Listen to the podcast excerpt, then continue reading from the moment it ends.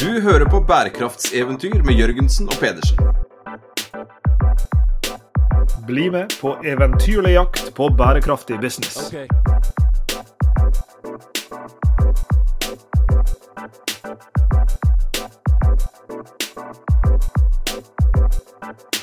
På en måte så er det jo ålreit med regler.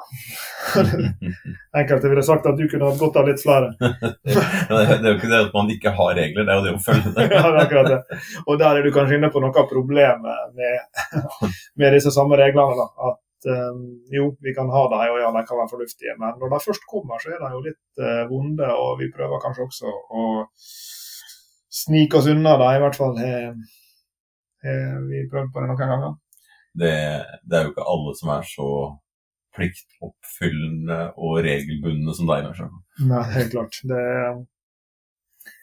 det ville vært en, en for høy uh, målsetting å sette for folk. Kunne ikke egentlig vært nok med etikk eller moral? Jo, tenk det. Må vi ha disse reglene? Tenk hvis vi bare kunne stole på folk sine gode verdivurderinger, og at uh, de ville se hva som var riktig vei å gå i enhver situasjon. også. Du veit jo hvilken vei jeg vil nå. Husker du vår gamle professor på, mm. på doktorgradskurs i etikk? Altså. Var det noen som klagde på alle disse reglene? Altså. Så sa han det at uh, Halvor, Halvor Grimen Harald. Harald, tusen takk. Avdøde. Jeg tror kanskje vi har nevnt han før i en tidligere episode. Det er riktig. Og kanskje også sagt uh, brukt det samme sitatet, men det fortjener jo å bli Nei, du, jeg tror det Sist vi snakka om Harald, så snakka vi om tillit. Tror jeg, faktisk. Mm. Uh, men denne gangen så handler det om regler.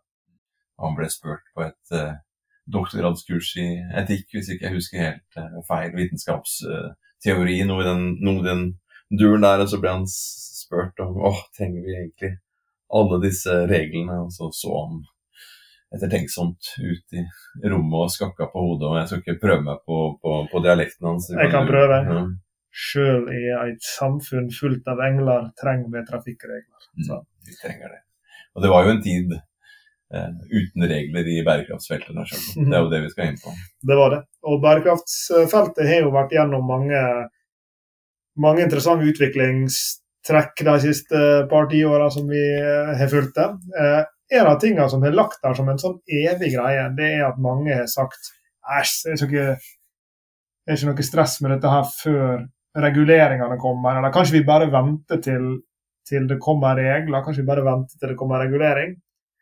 Det som er litt for jævlig med den posisjonen der, det er at når de reglene da til slutt kommer, så har de jo en tendens til å gjøre litt vondt. Og nå befinner vi oss Sveinung, i en tid hvor det nesten virker som regulerende myndigheter, både på nasjonalt nivå og transnasjonalt, eh, kappes om å slenge ut flest mulige mm. reguleringer som dels gjør det altså som altså begrenser eller uh, innskrenker individ sine mm nær sagt eh, sitt handlingsrom, eh, men ikke minst. For dette er jo særlig retta mot bedriftene. Det er, og det er jo ikke helt nytt. Altså sånn. Eh, mitt favoritteksempel er DDT. Mm. Ja, men altså sånn En eller annen gang så tenkte man at det var lurt. Et supert produkt som løste alle problemer. Problemet var at det løste alle problemer altfor godt. Mm. Så den satte jo ikke grensen bare ved å, å drepe skadedyrene. Den uh, førte også til deformerte barn. Altså, så, så, og, og, da skjønte man jo at det måtte reguleres. Eh, ozon som hullet som vi vokste opp med, Lars Jakob, vi gikk rundt og var livredde for dette ozonhullet som skulle komme og, og, og, ta oss. og Da var det noen gasser i noe var det friongasser eh, det het, i, i kjøleskapene. Eh, som ble brukt bl.a. i kjøleskap, som da ble forbudt. Eh, så det har jo vært opp gjennom tiden, så har man jo lært tidligere praksis ikke har vært så fornuftig. Jeg regner med at det var lettere å, å ha utslipp i elva bak uh, fabrikken før. Uh, vi har hatt perioder med fryktelig sure vassdrag pga. ting som kom med, med skyene og regna ned over, over, over fjellene. Så, så, det har vært mye regler opp gjennom mm. tiden som har regulert forhold som har hatt med bærekraft å gjøre. Men vi ser jo nå at uh, det kommer enda flere. Og, og, mange av de vi har møtt opp gjennom tiden som har sagt nei, vi venter. Mm. Vi venter til det der kommer og blir regulert. Og når det virkelig da blir regulert, og hvis en kjerneaktivitet da, i, i, i, virksomheten er knytta til den, uh, den praksisen som nå da blir regulert, da, Mm. da, da blir det plutselig hett. Og så er det noen reguleringer som er og Vi skal bli mer konkrete etter hvert, men dette er jo veldig interessant også på et sånn mer generelt ikke prinsipielt, men altså et, mer generelt nivå. da. Eh, for du kan jo betrakte noen av disse reguleringene og se at de har vært effektive. Mm. Ja. Eh, det er sånn favorittema for kom kommentarfeltkrigere at ja, jeg drev og snakka om ozonlaget, det er jo ikke noe problem lenger. Og, nei, og, og det er det vel kanskje nettopp ikke fordi at de reguleringene som ble satt i sving, eh, har fungert, og de grepene som en har tatt, har fungert. Og, og det er jo mange eksempler på den typen reguleringer som funker. Og så er det vel også eksempel på regulering som kanskje er velmeint og kanskje vel, velformulert, men som egentlig eh, ender opp med å ikke få så veldig mye tenner på et Mm. vis. Eh, nå, nå er ikke jeg nok av en ekspert til dette, men eh, til, å, til å si det aut autoritativt, er det et ord? Eh, men eh, det er jo noe som heter miljøinformasjonsloven, tror jeg, hvis jeg husker rett. Nei, ikke se på Som, meg. ja, kom igjen nå. Resiter første ledd. Nei, men i alle fall som, som skal gi eh, kunder innsikt i altså retten på da, og informasjon om eh, miljøeffekten av produkt. Og sånn har jeg forstått det på de som kan mer om slikt enn meg, så er jo det en, en relativt, om ikke sovende lov, så i hvert fall en lov som kanskje ikke har hatt så store eh, store følger og konsekvenser som, som en kanskje håpte når, den gangen en laga den. Og Det er jo interessant å trekke parallellen til åpenhetsloven, som, som vi har snakka om før, og som, som jeg satt i utvalget for som, som utforma. For der, den er jo nå eh, liksom akkurat i ferd med å ta form der ute. i, Vi er inne i det første året som det skal rapporteres på. Og du og jeg traff her forleden en, en bærekraftsdirektør som vi kjenner, og hun sa at nå er det jaggu en storm oppe hos oss. Nå ringer telefonen. Dette er en, en aktør i, i byggebransjen som, som har store kunder da, i business to business-verden. Som, som ble ringt ned av innkjøpere og av, av sine kunder, eh, som lurte på hva i alle dager nå skal vi, hvordan skal vi tenke rundt eh, disse tingene her når vi skal kjøpe dere sine komponenter til, til, til våre bygg og, og andre sine. Så, så, så der er det jo noe som i alle fall skjer nå. Da. Så får vi se hva konsekvensene blir, men i alle fall at de kjenner på pulsen at Mm. liksom Oi, her er det plutselig kommet en lov Mm. eh, som skal ha noen eh, pisker knytta til seg som, som vi kan bli piska av hvis ikke vi leverer varene her. Uh, ja, vi, vi ser at det betyr noe. Check it out.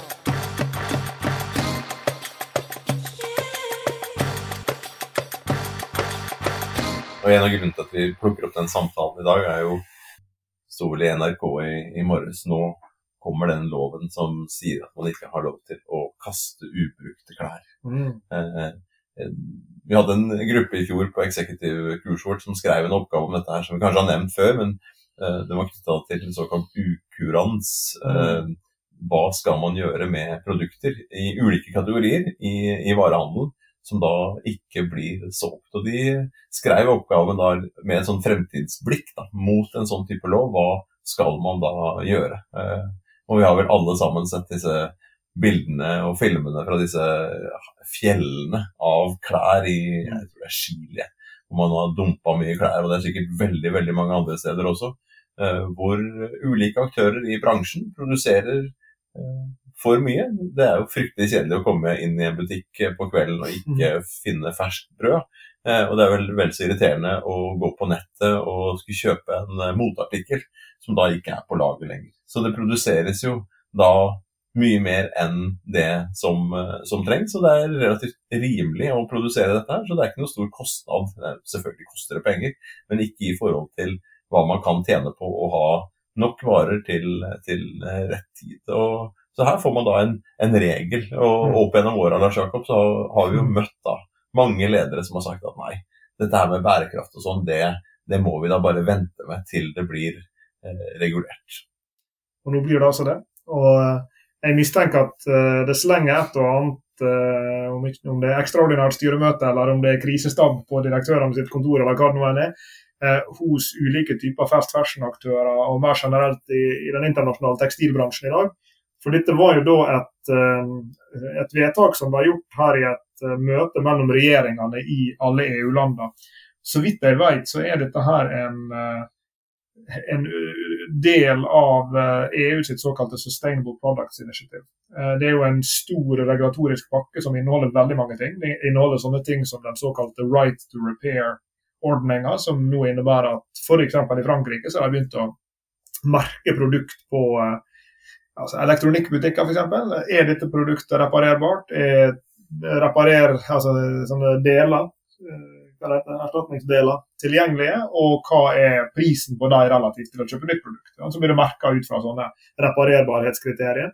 Eh, Der er emballasjedirektiv og sånn knytta til det samme. Liksom hvordan gå til en verden hvor produkter er mer bærekraftige enn de er i dag. Eh, Så, så det er jo på en måte et designspørsmål ja, på ene sida, men, men dette her er jo i den andre enden av eh, ikke andre enden av loopen, men andre enden av strømmen. Hva skjer med alt det usolgte på, på, på slutten? Eh, de, snak, de kaller det vel for uh, obsolete products, tror jeg, er termen de bruker. altså Produkt som enten er forelda, type utgått kolleksjon av tøy, uh, eller av andre grunner. Jeg blir irritert når jeg går i butikken hvis ikke jeg finner sånne korte topper så jeg kan vise navnet. Det er en, eh, en slags public service fra deg til oss andre.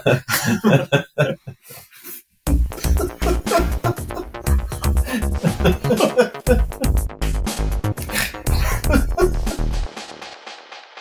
skal få lov til å komme tilbake til dette seriøse resonnementet til Lars Jakob, men vi, vi møtte noen eh, tidligere i uka og en, en gruppe ledere, og så satt vi og diskuterte eh, bærekraft og sirkularitet og hva som rørte seg, og, og hvordan dette her ville påvirke bedriftene, og hvordan det kunne være en driver for innovasjon. Og, og vi kom inn på regelverk, og det var en aktør der som drev innenfor elektronikkbransjen, som Mm. som kunne fortelle at nå hadde det kommet en ny regel, og jeg kan ikke det tekniske rundt dette her heller, men det kom kommet en ny regel som forbød en form for viktig gass som ble brukt i en del elektriske installasjoner. Eh, Denne gassen hadde visst en sånn eh, var vel 22 000 ganger mer potent eh, Mm. klimagass enn CO2.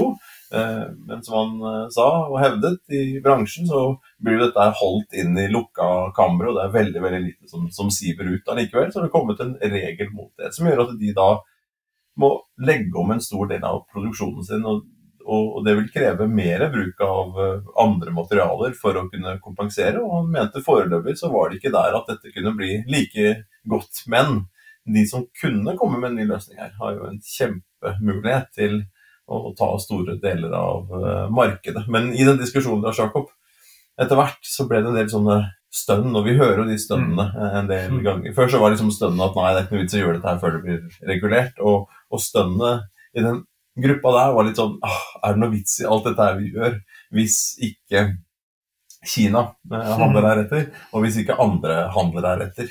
Eh, vi er jo litt i den posisjonen, ikke bare litt i den posisjonen, men hvor vi tenker det at eh, dette her er jo noe bedrifter må forholde seg til i det øyeblikket regelen kommer. Mm. Eh, altså Du kan like eller ikke like den.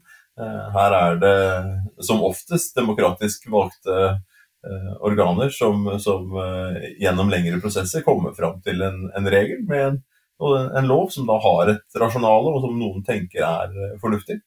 Eh, og det er bedrifter nødt til å forholde seg til i det markedet eh, hvor de da opererer. Eh, at det er konkurrenter som ikke gjør det i andre deler av verden, det, vi vi får liksom ikke så mye puls av det. Altså sånn, i, i, når vi snakker om bærekraft og reguleringer og muligheten til innovasjon, så, så tenker vi det er noe som bedriften er nødt til å forholde seg til Mm. der hvor den er. Så kan man selvfølgelig jobbe med lobby, eh, og det gjøres jo i stort bånd. Eh, tenk tilbake til eh, røykelobbyen mm i den perioden hvor man skjønte at røyking Ikke bare skjønte, man har jo visst det veldig lenge, og det hevdes også at røyke, de som, altså tobakksindustrien har kjent det enda lenger enn en de aller, aller fleste. Eh, Så var det jo lobby som kjempet imot reguleringer for aldersgrense, f.eks., eller hvordan det skulle merkes eller ikke, om det skulle selges åpent eller skjult. Eh, Det er jo ikke så mange tiår siden vi satt inne på restauranter og barer og universiteter og sykehus for den saks skyld, og, og røyka. Eh, Mm. Men så har det kommet reguleringer der. Og så kan man jo si ja, hva hvis ikke dette her skjer et annet sted? Ja, Mm. so, so what? Det, det er faktisk ikke lov til å, å røyke på restauranter i, i Norge, da. Eh, Hva skal disse restaurantene gjøre for å gjøre det attraktivt for folk å komme? Mm. Eh, Og da er du kanskje inne på, på noe som er litt uh, interessant med reguleringa. Og herregud, snakk om to bedriftsøkonomer på tynn is. altså Her sitter vi og diskuterer reguleringa som om det var vår, vårt spisskompetanseområde. Det er det jo ikke.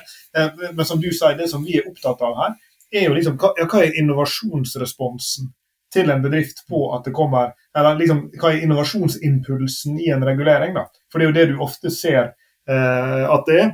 Eh, og det er jo litt eh, interessant det der med Når du tenker på eh, når du tenker på restaurantbransjen, for der, der fikk jo du masse sånne pussige tilpasninger som var både fra restaurantene sin side og som var fra gjestene sin side. Både på røykeloven, men også når du hadde disse pussige åpningstidslovene. Når det begynte å komme sånne nattklubbreguleringer. Mm. altså at Du fikk lov å holde oppe til Du fikk servere alkohol en time lengre. Men noen sted måtte du da stenge mellom seks og åtte, hvis jeg husker rett. Andre sted så måtte du servere mat uh, av en eller annen art, og det fikk jo den der bivirkningen at uh, den første gangen jeg var på garasje i Bergen, så fikk jeg en skive med leverpostei i hånda når jeg gikk inn, som jeg dernest kunne ka- kaste i ei bøtte rett bortenfor, for da hadde jeg teknisk sett fått servert mat, så da kunne de holde åpent en time lenger. Så du får jo alle disse Dels får du sånne uheldige tilpasninger, at bedrifter kan gjøre ting, og for den del kunder kan gjøre ting, for å, å eh, tilpasse seg eh. Men på den andre sida er det dette spørsmålet om ja, hvordan liksom, Hvis reguleringa treffer likt, altså slik at bedriftene på en måte opererer under de samme beskrankningene, ja, da, at det ikke fungerer konkurransevridende, at, at det ikke er sånn at noen bedrifter treffes hardere av det. Vi har brukt eksempler med fotball og reising i det siste.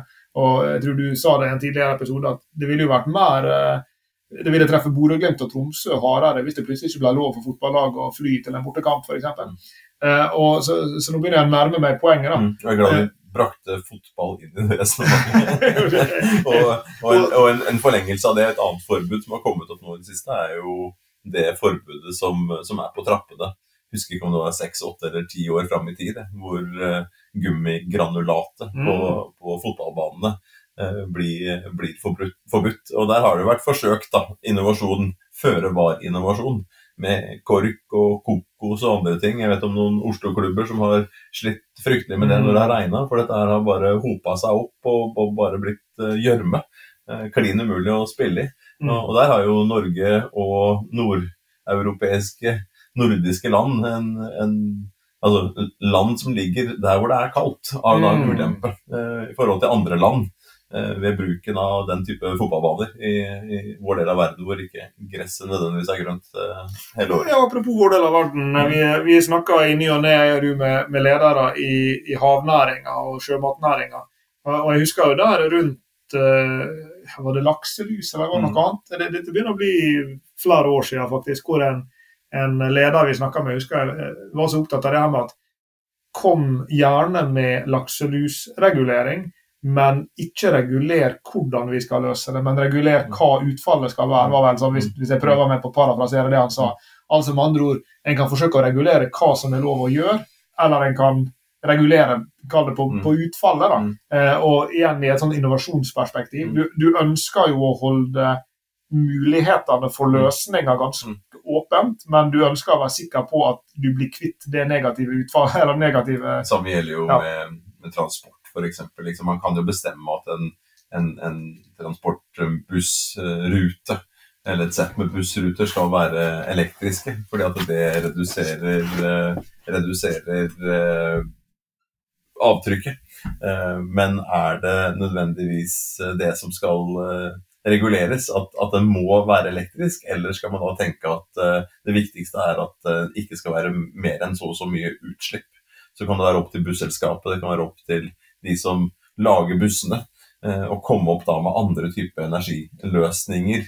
Eh, hydrogen, top of mind, eh, som kunne ha det samme lave utslippet, men hvor ikke det ble bestemt at det var den eller den tekniske løsningen som skulle velges.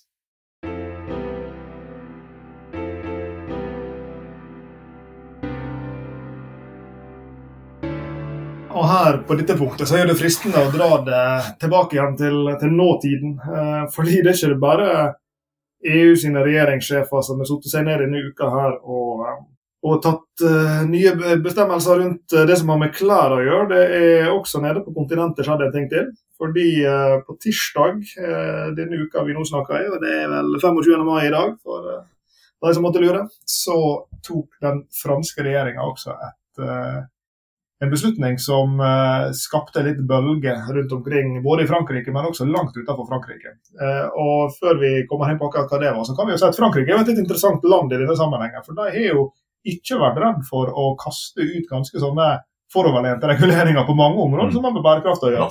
Plast, engangsplast. Ikke sant? Tidlig ute på å Mm. forby det, tidlig ute på, på forbud mot matkasting, og, og tvinge bedriftene til å finne gode løsninger for det. Utrolig kjedelig å være på fest. her. Du kan kaste mat på hverandre. jeg har vært på fest i Frankrike, og jeg applauderer den franske folkesjela. Men eh, i tillegg Paris, hvis vi tenker på dem som, som by En ting er at eh, det, det blir mer og mer sånn bilfrie gater og alt det der, det er noe sånn eh, mikronivå. Men i tillegg så er det vel en regel, hvis jeg nå eh, ikke arresterer meg, jeg feil, men jeg tror det er omtrent riktig at alle nybygg i Paris må ha enten grønne tak eller solcellepanel på taket. Og så kan du si ja, det er symbolsk, det er ditt, er. Men i alle fall har jo disse franskmennene vist en vilje da, til å ta disse typene regulatoriske grep. Og um, de fortsetter den samme veien. For denne uka altså, så ble det eh, forbud mot eh, kortdistanseflyruter i Frankrike. Eh, som et bidrag da, til å kutte CO2-utslippene, som Frankrike som alle andre har committa seg til. Og regelen da, den eh, går som følger. Hvis en innenriksflygning har et togalternativ som er mindre enn to og en halv time, da forbys eh, flyruta. Så det betyr altså at fra nå av så vil du ikke kunne fly Paris-Lyon. Du vil ikke kunne fly ut til kysten Paris-Nantes, Paris-Bordeaux.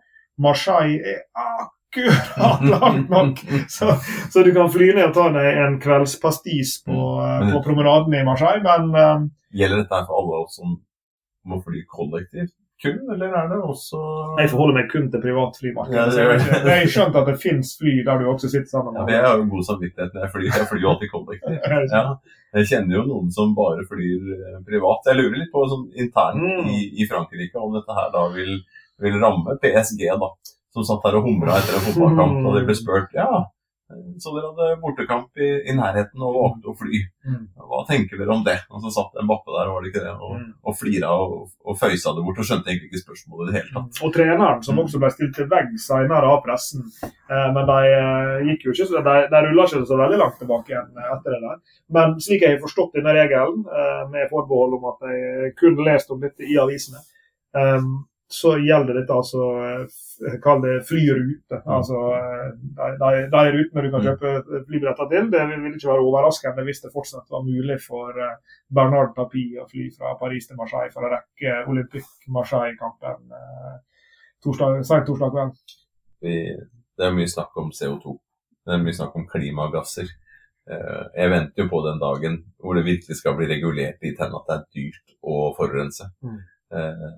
Det er jo altfor billig. Mm. Og det er jo litt sånn rart. Altså, Vil det noen gang bli regulert? Og Her er et eksempel på det. da. Eh, For det er jo klimagassene primært som gjør at den type flyturer blir eh, forbudt. For man mener at utslippet ikke står i stil med, med, med, med nytten av Mm. å, å fly. Jeg regner med at det er gjort eh, noen type samfunnsøkonomiske analyser av det. På å si det at ok, tar det bitte, bitte litt lengre tid å, å, å ta tog her, så, så betyr det lite effektivitetsmessig for samfunnet. Mm. Regner med at det er folk som sitter og har eh, modeller på dette her.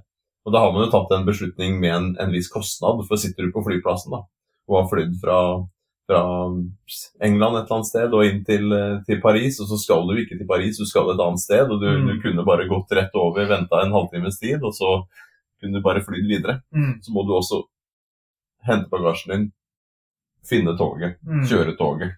Eh, og det vil jo oppleves som en ulempe, og det er jo et eksempel på det motsatte av det jeg sier. Da. Det er et eksempel på at da er det faktisk en kostnad involvert. Ikke bare økonomisk kostnad, men det settes en grense for din frihet.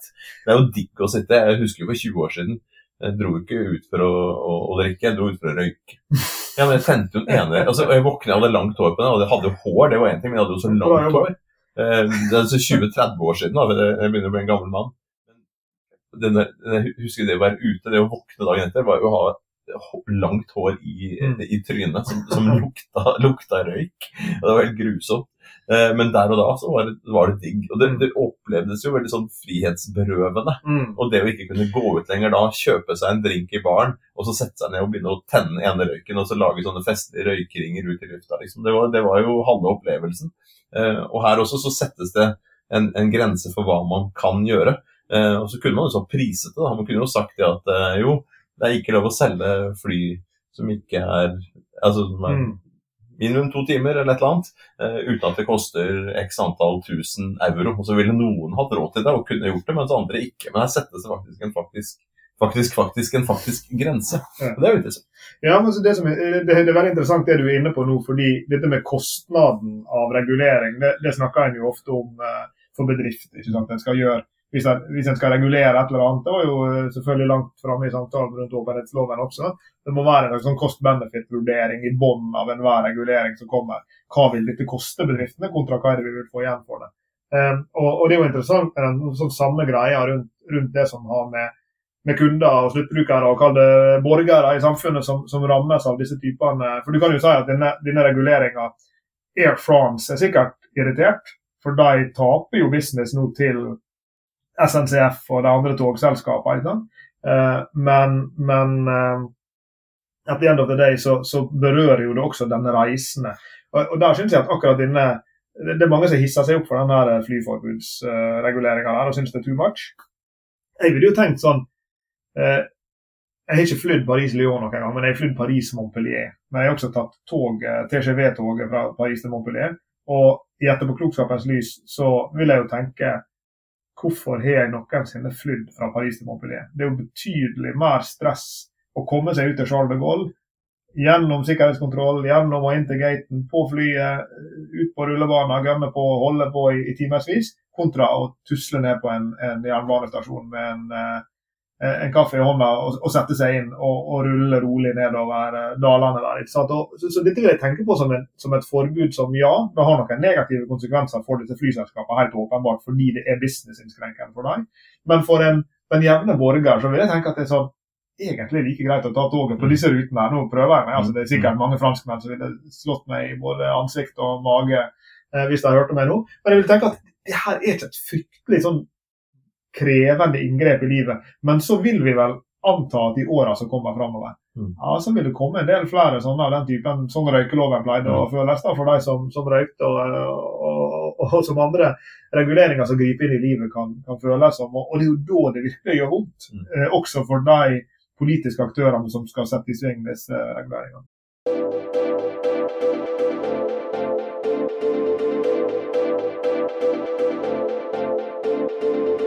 Alltid når det iverksettes nye lover, så er det jo sånn eh, spørsmål om, om straffen knytta til det. Mm. evig diskusjon om hvor høye bøtesatser det bør være for å kjøre for fort eller bruke mobilen i, i, i bilen.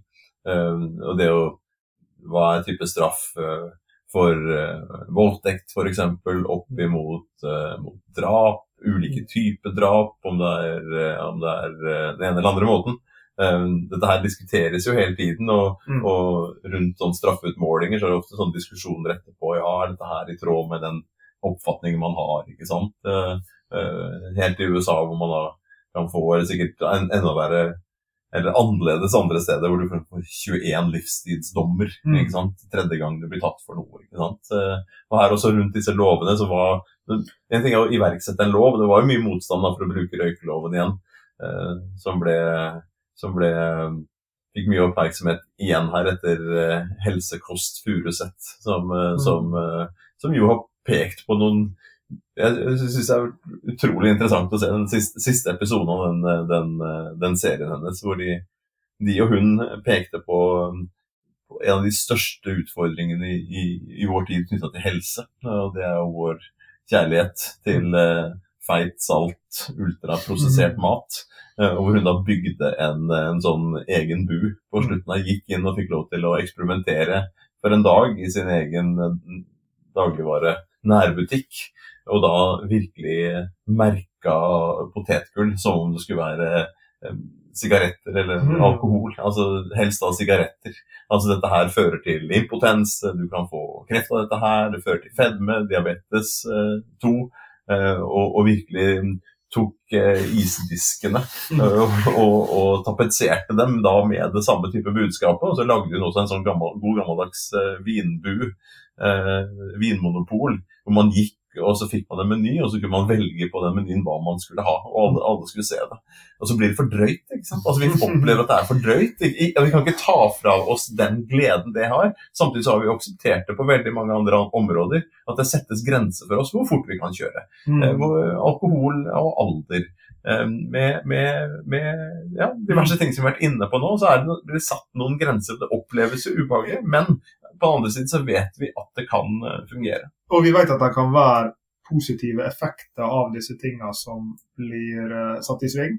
Eh, det er jo tilfellet med røykeloven. Hvis mange slutter å røyke, ja, det var vel antageligvis en bra ting. Og, og mange sa jo nå, og vi vet jo ikke hvordan alternativet universet ville sett ut uten røykeloven, men det er jo veldig mange nå som sier at de ville aldri ønske seg tilbake til en tid oh. før røykeloven. ikke sant? Og de av oss som husker utelivet, hvordan det var før røykelovens tid, det var jo ikke sånn kjempe... Men nå har jeg ikke hår lenger, så kunne jeg våkna med bare uten å fått den, eh, lukten. Det Helt klart. Og, men, men jeg tenker på, på eh, et, et annet eh, for, for noen av disse her eh, det er, jo, det er jo meint å være godt for oss også, om enn litt mer indirekte, det at det slippes ut mindre CO2 Mm. av eh, disse flyreisene og sånn. Og, og der påstår jeg, og skal det godt hende jeg tar feil, jeg påstår at det er ikke en så stor innskrenking av folks frihet. Mm. Men det er en annen eh, EU eh, direktiv, tror jeg, et EU-direktiv som eh, ble eh, lagt fram i mars 2023 eh, hvor folk er mye sintere. Og Det handler jo om eh, disse strenge energikravene som kommer til boliger. Eh, og eh, Nå siterer jeg her fra huseierne.no. Mhm. og De har jo selvfølgelig en, eh, en interesse i denne sammenhengen. her. Nye EU-regler kan pålegge norske boligeiere å gjøre store energioppgraderinger i egen bolig. Det vil koste penger, men vil også bidra til lavere utslipp og strømutgifter. I mars 2023 har EU-parlamentet tatt, oss et- skritt nærmere nye regler. og Dette kalles da for bygningsenergidirektivet.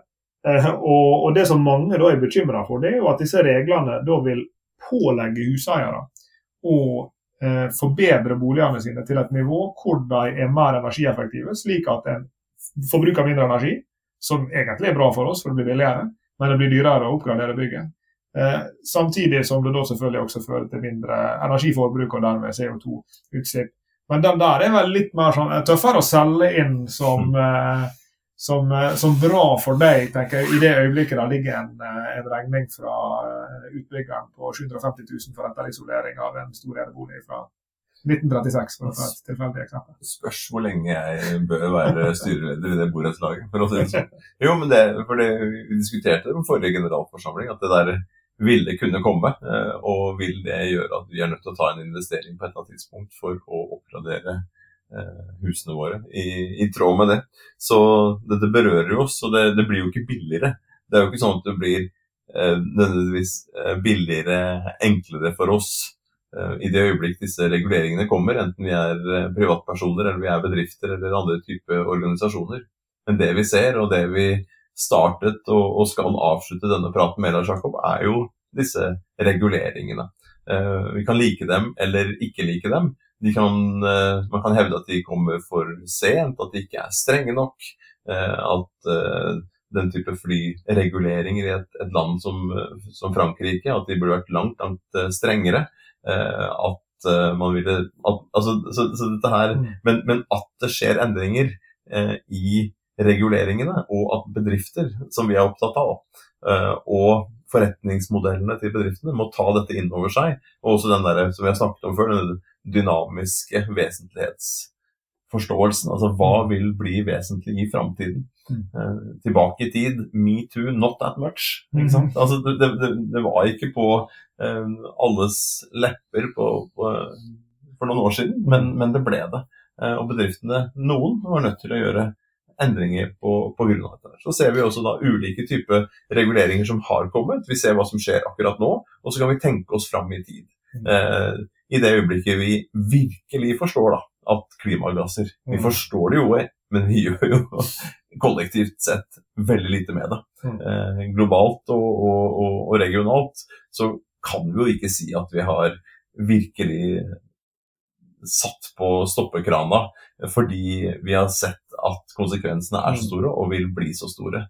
Men i en tid da, hvor man, man ser at dette her virkelig skjønner at, at dette her kreve endring, vil kreve endringer, og det vil bli satt en pris på å gjøre det, eventuelt regulert på, din, eh, på, en, på en måte, hva skal da bedrifter og, og organisasjoner gjøre? Og med et blikk tilbake igjen til leverposteiskiva på Garasje i Bergen, eller enda noen år før det, mens jeg fortsatt eh, Før jeg hadde flytta til Bergen og bodde på eh, Sunnmørskysten, der jeg kommer fra, da jeg, og var ute i Ålesund. Det husker jeg var på den tida. Eh, røykeloven kom. og var rett det- etter at Ålesund brant? vi kunne fortsatt kjenne lukta. Eh, og Derfor kom det en røykelov som gjorde at du ikke kunne røyke inne. Problemet var bare at du kunne ikke drikke ute. og Jeg husker veldig godt at utestedene som da hadde sånne dører som var vinduer, nær sagt, de hadde sånne løsninger hvor det sto ett lite bord innenfor den åpne døra og ett utenfor, slik at du kunne sette ølen din på bordet inne, og så sto det et askebeger ute, og så kunne du liksom stå med en, liksom som du står én fot i Norge og én i Sverige, sant? så kunne du stå med én fot inne og ta deg en drink, og så kunne du stå med en fot ute og ta deg en, en røyk.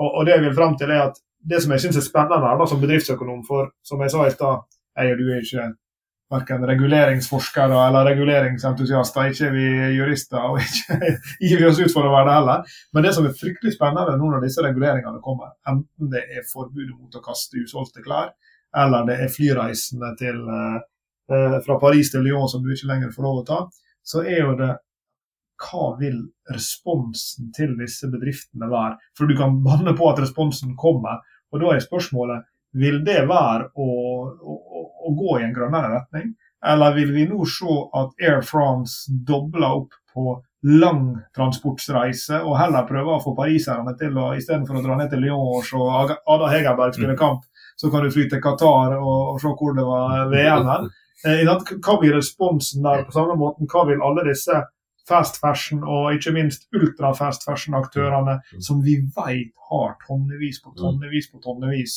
med usolgte klær hele tida, fordi det er en naturlig implikasjon av måten forretningsmodellen deres er designa på. Ja, hva er det de kommer til å gjøre nå når de ikke lenger kan lempe disse ut på parkeringsplassen og sette fyr på dem, eller dumpe dem i, i, eh, ute i ørkenene i, i et eller annet land hvor vi vet at det ligger høye fjell av eh, usolgt eh, T-skjorte som har utsalgspris eh, 19 kroner 90 øre.